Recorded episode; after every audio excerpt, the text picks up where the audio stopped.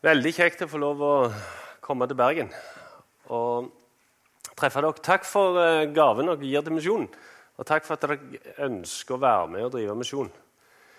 Jeg er så heldig at jeg får lov å reise en del rundt og se på det misjonsarbeidet som NLM får være en del av. Men jeg får òg lov å se og møte mange andre, både misjonærer og kirkeledere. og treffe og se litt hva er det Gud gjør rundt omkring i verden. Og Når jeg reiser sånn, så er det ofte folk som kommer til meg og stikker til meg ei bok eller noe sånt. Eh, og jeg må innrømme at mange ganger når jeg får disse bøkene, så glemmer jeg de på et hotell eller eh, der er liksom kirkehistorien til den og den menigheten som starta et eller annet gang. Det er ikke alle som er like spennende. Det er sikkert spennende for dem, men ikke alltid for andre som kommer og skal lese dem. Så jeg er alltid litt skeptisk når jeg får en bok, og spesielt hvis de har, den, hvis de har skrevet den sjøl. For da tenker jeg, Er den så dårlig at de må gi den vekk for liksom å få litt omsetning på den boka? Ei bok jeg fikk, den fikk jeg i USA av en amerikansk pastor. Um, han uh, traff en i Texas, og den heter 'Joining Jesus on His Mission'. How to be an everyday missionary. Ja, jeg tenkte Den kunne være spennende. Den tar jeg med meg hjem. Så lå hun ganske lenge på uh, bokhylla mi hjemme før jeg tok den opp. Og så begynte jeg å skulle lese den. Og det første kapittelet heter 'What's Jesus up to?' Og Den første setningen er sånn So how has Jesus been messing with you lately? So how has Jesus been messing with you lately? tenkte jeg, Gidder jeg å lese den videre eller ei? Eh, og så leste jeg litt videre og forsto litt For det, det, var et litt rart spørsmål, syns jeg. How has Jesus been messing with you lately? Og når jeg leser litt videre, så forsto jeg at det var Texas uh, dialect. Og en måte de brukte i Texas for å si at uh, Hvordan har Jesus rørt med deg? Eller hvordan har Jesus liksom fått din oppmerksomhet i det siste? Og da, da, var det litt mer interessant å lese videre.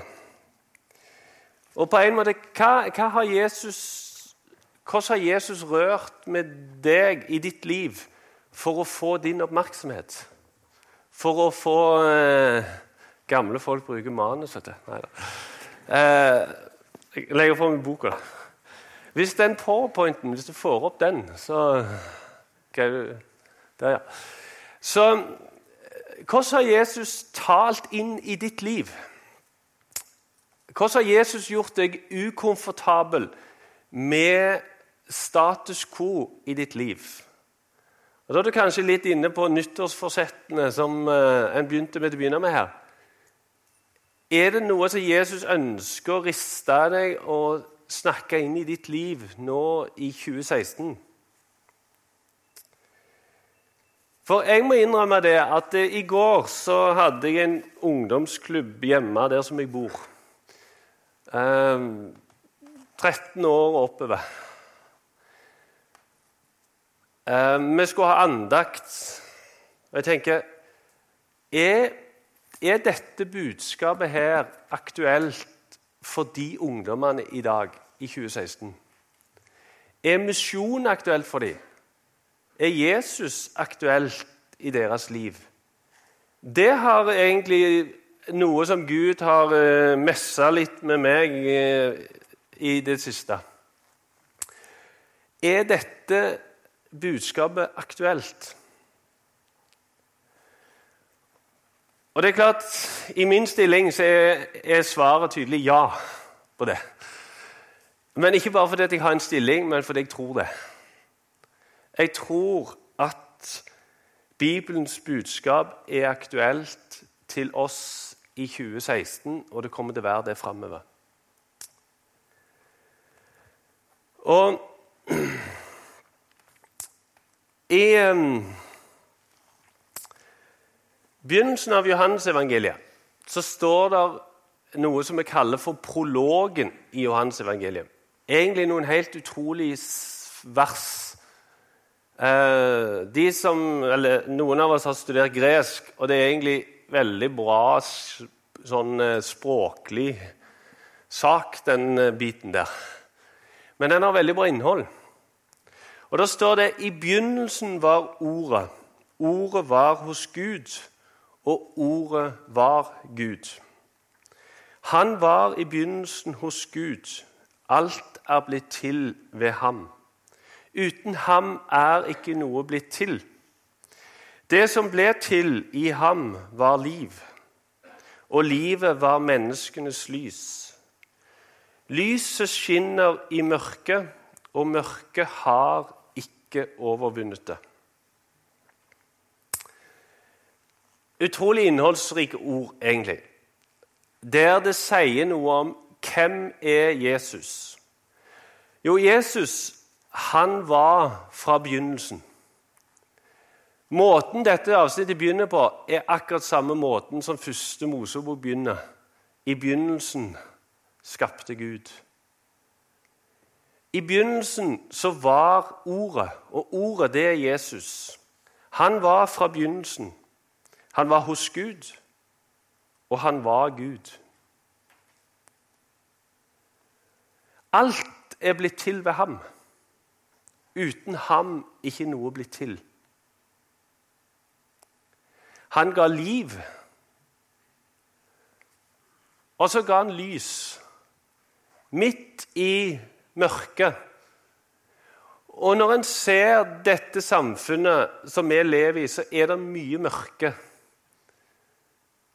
Eh, men midt i det så kom lyset. Så kom Jesus. Og Denne oversettelsen her, den sier selv om det ser ut til å være mye mørke, så har ikke mørket overvunnet lyset. Lyset er der fortsatt. Og så fortsetter dette, denne avsnittet her. Og i vers 14 så står det og ordet, altså Jesus, ble menneske og tok bolig iblant oss. Og vi så hans herlighet, en herlighet som den enbårne sønn har fra sin far, full av nåde og sannhet. Så ble Jesus som var hos Gud, Jesus som var der helt ifra skapelsen av, som alt er blitt til ved, han som var Gud og er Gud, han tok bolig iblant. Han ble menneske og tok bolig iblant oss. I denne bibelen her, som jeg har her, der står det og ordet ble kjød. Her står det ordet ble menneske. Altså noe som ble helt fysisk. Han var reelt sant menneske som ble født inn i denne verden og tok bolig iblant oss. Var, folk så han, folk kjente han, folk snakket med han. Eh, han levde midt iblant oss. Han vet hva det er å være menneske. Og uttrykket 'å ta bolig iblant' det kan òg oversettes til å slå opp sitt telt. Altså å slå opp teltet blant der som en bor. Og det går tilbake igjen til Gamle testamentet, der um, Når tabernakelet ble etablert, når Gud sa at de skulle lage et tabernakel, så ble det uttrykket brukt at de, han eh, slo opp sitt telt. Og Det som skjedde når tabernakelet eh, ble etablert i Gammeltestamentet, det var at Gud tok bolig blant folket. Han, han var til stede i tabernakelet. Hans hellighet, Hans herlighet var blant folket. Han var ikke bare noe som var langt, langt vekke, men han var faktisk midt iblant folket.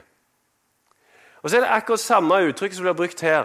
Når Jesus kom og ble født og ble et menneske og levde blant oss, så slo Gud opp eh, sitt telt iblant oss igjen. Og vi kunne få se Guds herlighet. Vi kunne få se hvem, hvem er Gud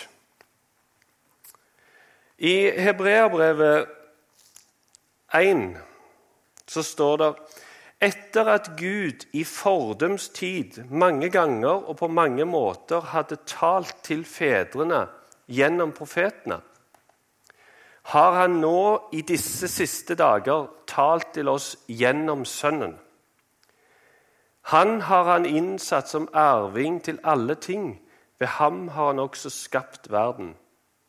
Og så kommer det Jesus er avglansen av Guds herlighet og avglansen av Guds vesen.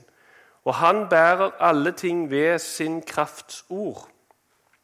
Etter at han hadde fullført renselsen for våre synder, satte han seg ved majestetens høyre hånd i det høye så, så talte Gud på mange måter gjennom profetene. Men nå, når Jesus kom, så talte han på en helt spesiell måte.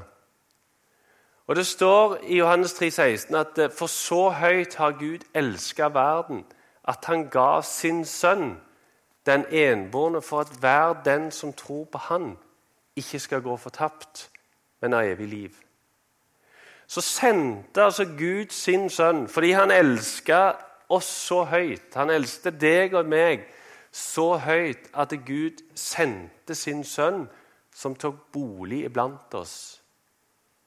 Og Så vet vi at Jesus gjorde mer enn det. Jesus ble korsfesta. Han ble hengt på et kors.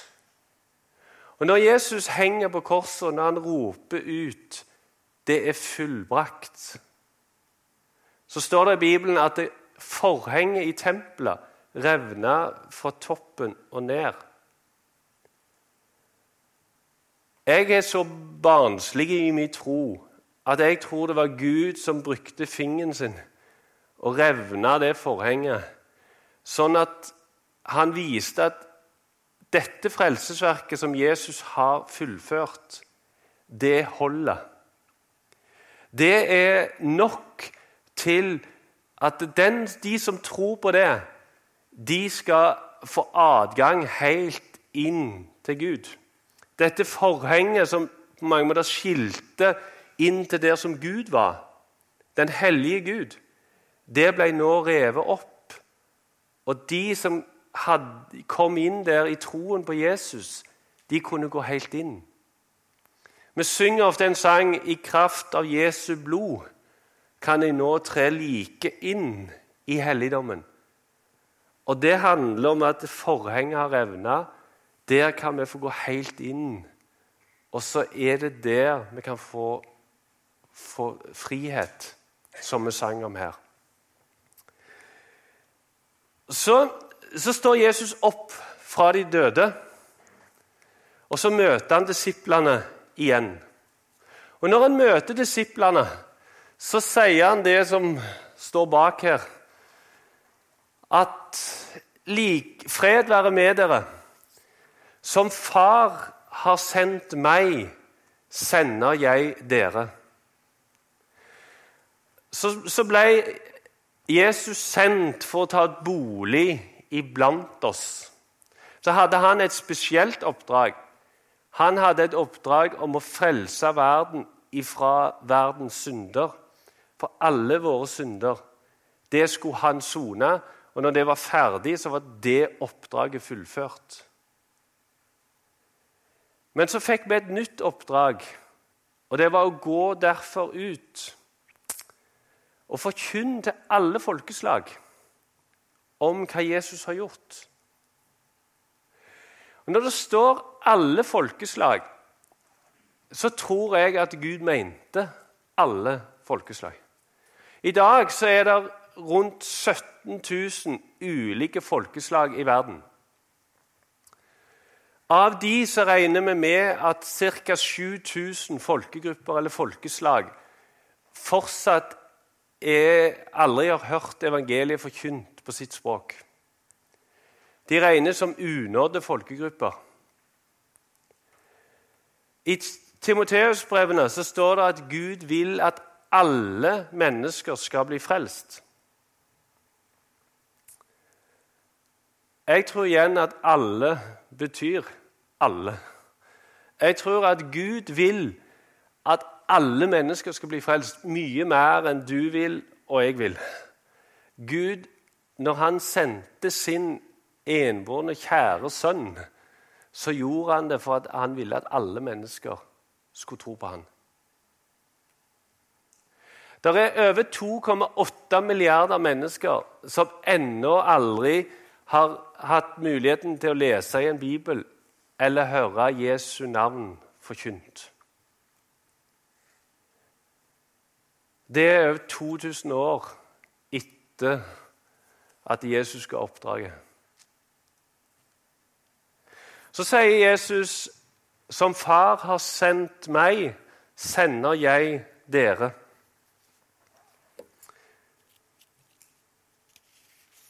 Du er òg sendt. Hvor tar du din bolig? Hvor slår du opp ditt telt? Akkurat så, så Ordet ble menneske og tok bolig iblant oss. Vi skal òg få ta bolig iblant de menneskene som vi er sendt til. Jeg, eh, som de sa det begynner med, så jobba vi en del år i Kina. Eh, jeg var lærer på et universitet og underviste i engelsk. For i Kina der kan en ikke reise som misjonær, men du kan komme inn som kristen fagpersonell. Og de ønsker kristne fagfolk. Når jeg søkte på det universitetet, så skrev jeg i søknaden Jeg måtte krysse av hva tro jeg hadde. Så jeg skrev jeg var kristen. Så det var, det var ikke skjult på noen måte. Eh, men i kontrakten min med universitetet så sto det det at eh, jeg hadde ikke lov å proselytere. Altså aktivt eh, presse, noe, presse min tro på noen. Det hadde jeg ikke lov til. Men så sto det en liten setning. Men jeg har lov å svare på spørsmål. Og Det var interessant. Jeg begynte å forstå litt mer hva det betydde etter hvert når jeg jobba der. Fordi at eh, Hvis jeg kom og preste min tro på noen og slo de i hodet med Bibelen og tenkte at jeg vet sannheten og veien, og jeg vet virkelig hva livet er her eh, så ville de kanskje ikke høre. Jeg kjenner sjøl når Jehovas vitne banker på min dør. Da lukker jeg ofte igjen. Eh, men det som jeg opplevde, var at når folk begynte å stille spørsmål, da var de faktisk interessert i å høre svaret. Hvis jeg stilte spørsmålet og ga svaret, så var det ikke alltid så interessant.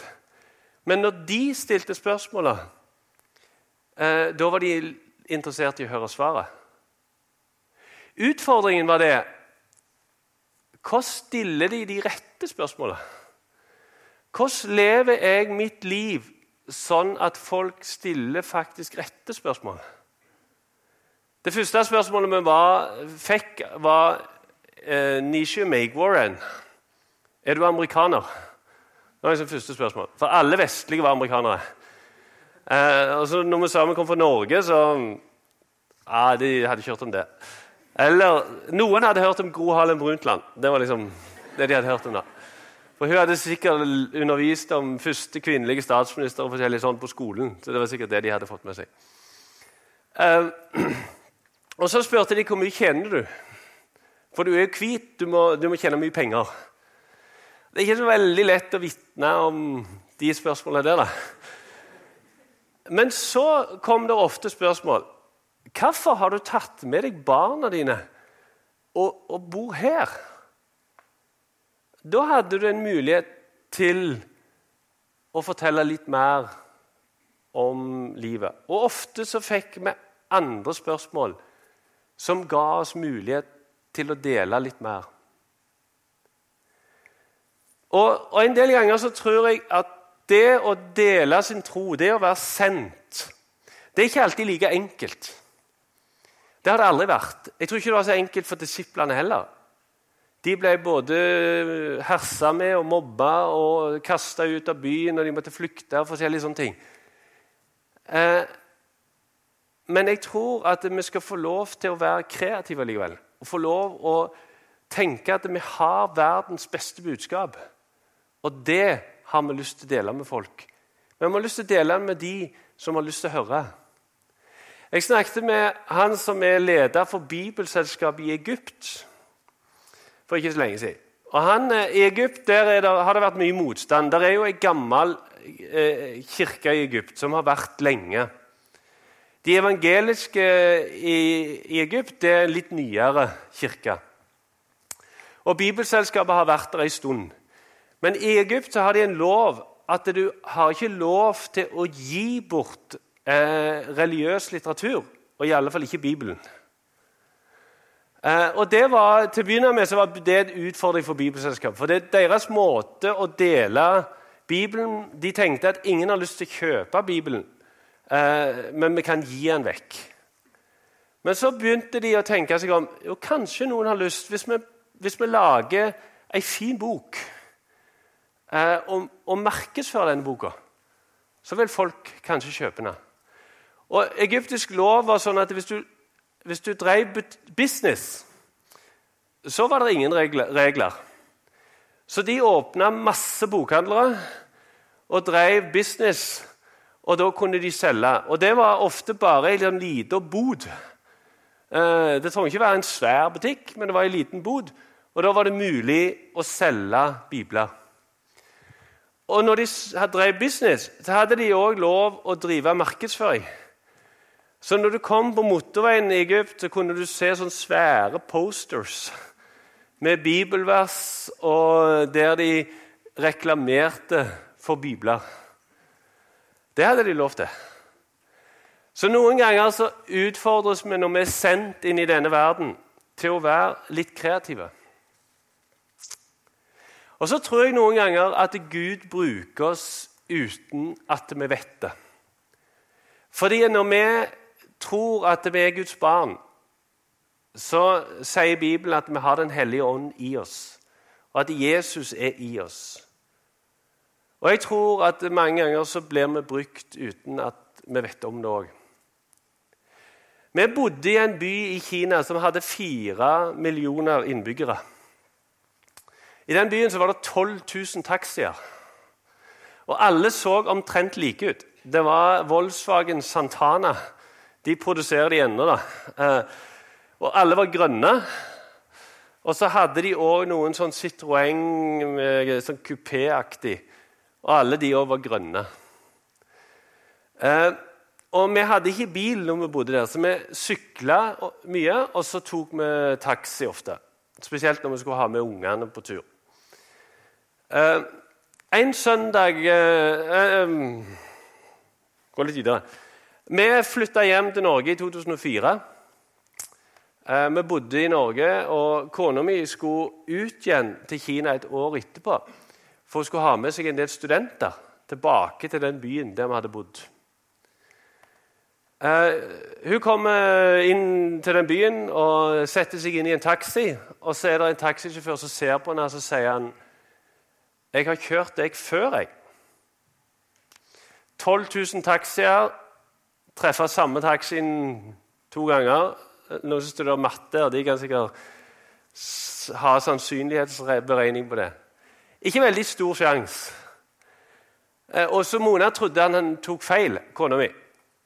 Eh, hun tenkte at alle Ofte er det sånn at de tenker alle hvite ser like ut. Så det er ikke så lett å se forskjell på dem. Ja, så sier han det at ja, du kommer fra Norge. Ja, Da trodde, begynte jeg å tro på han. Ja, du, eh, du, har tre barn. Da hadde vi tre. Nå har vi fire. Men på den tida hadde vi tre barn. Eh, og sist gang du kjørte meg, så, kjørte du, så skulle du i kirka. Ok, da har han antageligvis kjørt før. Og så sier han Da fortalte du meg om Gud, og du fortalte meg hvor jeg kunne kjøpe en bibel henne. Eh, jeg har kjøpt en bibel, og jeg leser i den bibelen. Men jeg tror ikke på Gud ennå. Kona mi hadde aldri husket det møtet. Det var et møte med et menneske. Men for han så tror jeg at hun var sendt for å ta bolig iblant. Og så brukte Gud henne. I Efeserbrevet 2 så står det For vi er Hans verk, skapt i Kristus Jesus til gode gjerninger, som Gud forut har lagt ferdige for at vi skal vandre i dem.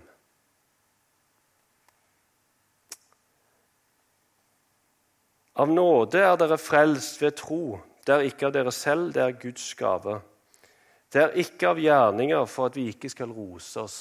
Der sier Paulus helt tydelig du blir ikke kristen av gode gjerninger. Du blir kristen av å tro på, på Jesus og det som han har gjort for deg. Men så sier han når du er kommet til tro, så er du hans verk, og du er skapt i Kristus Jesus til gode gjerninger. Som Gud forut har lagt ferdige for at vi skal vandre i dem. Et herlig uttrykk vi skal vandre i dem. Vandre det er liksom noe du gjør når du bare lever det. Så skal du få lov å vandre i noe som Gud har lagt ferdig. Og Da er det egentlig utrolig spennende å stå opp om morgenen og tenke at i dag har Gud lagt noen gjerninger som han vil at du skal vandre inn i.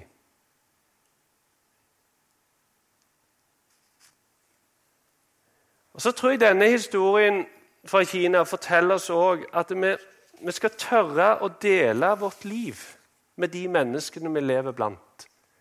Når du kommer tilbake igjen eh, på skolen mandag Jeg vet ikke hva du sier. Snakker kanskje om helga. Kanskje sier du var hørte på en kjedelig predikant på, som prøvde å fortelle oss noe. Eller eh, du hørte på god lovsang. Deler du litt liv med de menneskene du lever blant? Tør du å fortelle dem om hva du er med på, hvem, hvem du tror på?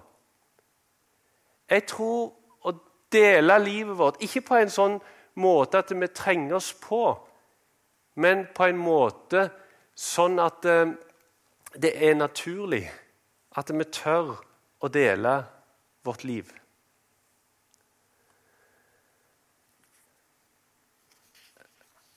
Jeg ser tida går fort her, så jeg skal gå litt kjapt. To ting til slutt. Um, en, ting har, en av de vanskeligste, såreste samtalene jeg hadde med et menneske i Kina, det var ei dame som jeg snakket med. Ei kinesisk jente eller dame.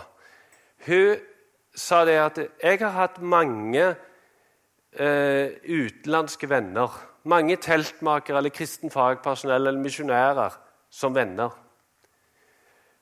Eh, og vi har hatt mye sammen. Har, vi har uh, hatt det gøy sammen. Jeg er blitt glad i dem. Vi har uh, levd liv sammen. Men når jeg har fortalt dem at jeg ikke ønsker å bli en kristen, da har jeg opplevd at de bare forlot meg. Denne dama satt igjen med en følelse at hun var egentlig et objekt. Hun var egentlig et evangeliseringsobjekt eller et frelsesobjekt. Uh, hun var ikke et menneske. Jeg tror når Jesus tok bolig iblant oss og levde blant oss. Hvis du leser litt ut gjennom Johannesevangeliet og ser hvordan Jesus møtte mennesker, hvordan han møtte kvinner ved brønnen, så møtte ikke han et objekt. Jesus møtte et menneske. Og Jesus ønsket å, å lytte og møte det mennesket. Og det tenker jeg Når vi møter mennesker, om det er nært i familien vår, eller om det er på skolen, eller hvor det er Vi møter et menneske som Gud elsker, og som Gud er glad i. Og Jeg var i Indonesia for ikke så lenge siden. Og Da fikk jeg være med Berit her inn i en landsby. Eller egentlig så var det en bydel. Men denne bydelen var som en liten landsby. Og så hadde denne landsbyen blitt svelget av storbyen. Så midt inne i en storby så var det en liten landsby. Og Berit hun hadde God had been messing with her. Så han, Hun hadde fått det på hjertet sitt at hun skulle gå, begynne å gå i denne lille landsbyen og se hva, hva er det Gud ønsker å gjøre i denne landsbyen her. Og Så begynte hun å vandre og gikk i gatene og snakket litt med folk. Og Så var det plutselig en mann som spurte om hun kunne hjelpe han, for han hadde fått et stygt sår på foten sin. Eh, og Berit er sykepleier, så hun, hun kunne se på dette såret, og det, det var veldig betent. Og de frykta at han måtte amputere tårna. Men så fikk Berit stelle det og gikk og møtte han flere ganger. Og, og etter hvert så begynte dette såret å helbrede. Eh, og til slutt så ble, ble, så, ble mannen frisk. Og jeg fikk lov å være med hjem til det gamle ekteparet. Og den takknemligheten de viste De var muslimer. Men den takknemligheten de viste overfor Berit, som hadde vandra sammen med dem, og som hadde vist nestekjærlighet midt i den hverdagen de levde Så vandra vi litt videre, og så gikk vi hjem til han mannen her. Han hadde òg eh, Det begynte jo å gå et rykte, da. At Berit hun er sykepleier og kan hjelpe folk. Så han hadde òg et sår og så kom hun hjem til han og begynte å stelle det såret. Og når vi var der, så, så tok hun og stelte sår og forskjellig sånn. Vi satt og snakket med han. Um, og han var muslim, og det var helt naturlig for han å snakke om sin tro. Og han var veldig glad for at han møtte noen som òg trodde. Han hadde en sønn som var like gammel som min sønn. Vi snakket litt sammen. Hvordan er det å ha en tenåringssønn i huset? Hvilke bekymringer er det med å ha en tenåringsgutt? Han var bekymra for sin sønn som hadde begynt å dra inn til byen. Og han lurte på hva er det egentlig han holder på med. Han var fortvila over masse av de andre muslimene i i bydelen der, eller i landsbyen som bare var nominelle muslimer, som egentlig ikke praktiserte sin tro. Så fikk vi sitte der sammen eh, og prate om tro. Eh, vi ba sammen. Jeg spurte han til slutt om vi fikk lov om vi kunne be sammen, og det ville han gjerne. Og jeg spurte han også, kan jeg få lov å be i Jesu navn. Ja, det må du gjerne gjøre. Og Så ba vi at det såret skulle bli friskt, at det skulle helbrede. Eh, Berit og Jørn de har vært tilbake mange ganger med den familien. De har lest bibelhistorier sammen, og de deler liv sammen. Det tenker jeg er et godt bilde på hva det betyr å ta bolig iblant. Å få lov å leve blant de menneskene som Gud har plassert oss blant skal vi be til slutt. Herre Jesus, vi takker deg for at du sendte din sønn til denne jord. At du elsker oss så høyt at du sendte Jesus, og at han tok bolig iblant oss. At Jesus ga sitt liv. Han levde blant oss, og så var han villig til å gi sitt liv for våre synder. Og så har du, Herre, kalt oss, og du har sendt oss. Og Herre, vi ber om at du kan lære oss å elske hverandre. At du kan hjelpe oss å se det, hva du har meint med at vi bor der vi bor. Herre, hjelp oss til å være sendt til denne verden. Hjelp oss til å være dine budbringere med verdens beste budskap. Så har vi de Ditt ord sier at de som går med det gode budskapet, the good news, med evangeliet, de har fagre føtter. Herre, vi bringer fred. Vi bringer et godt budskap. Amen.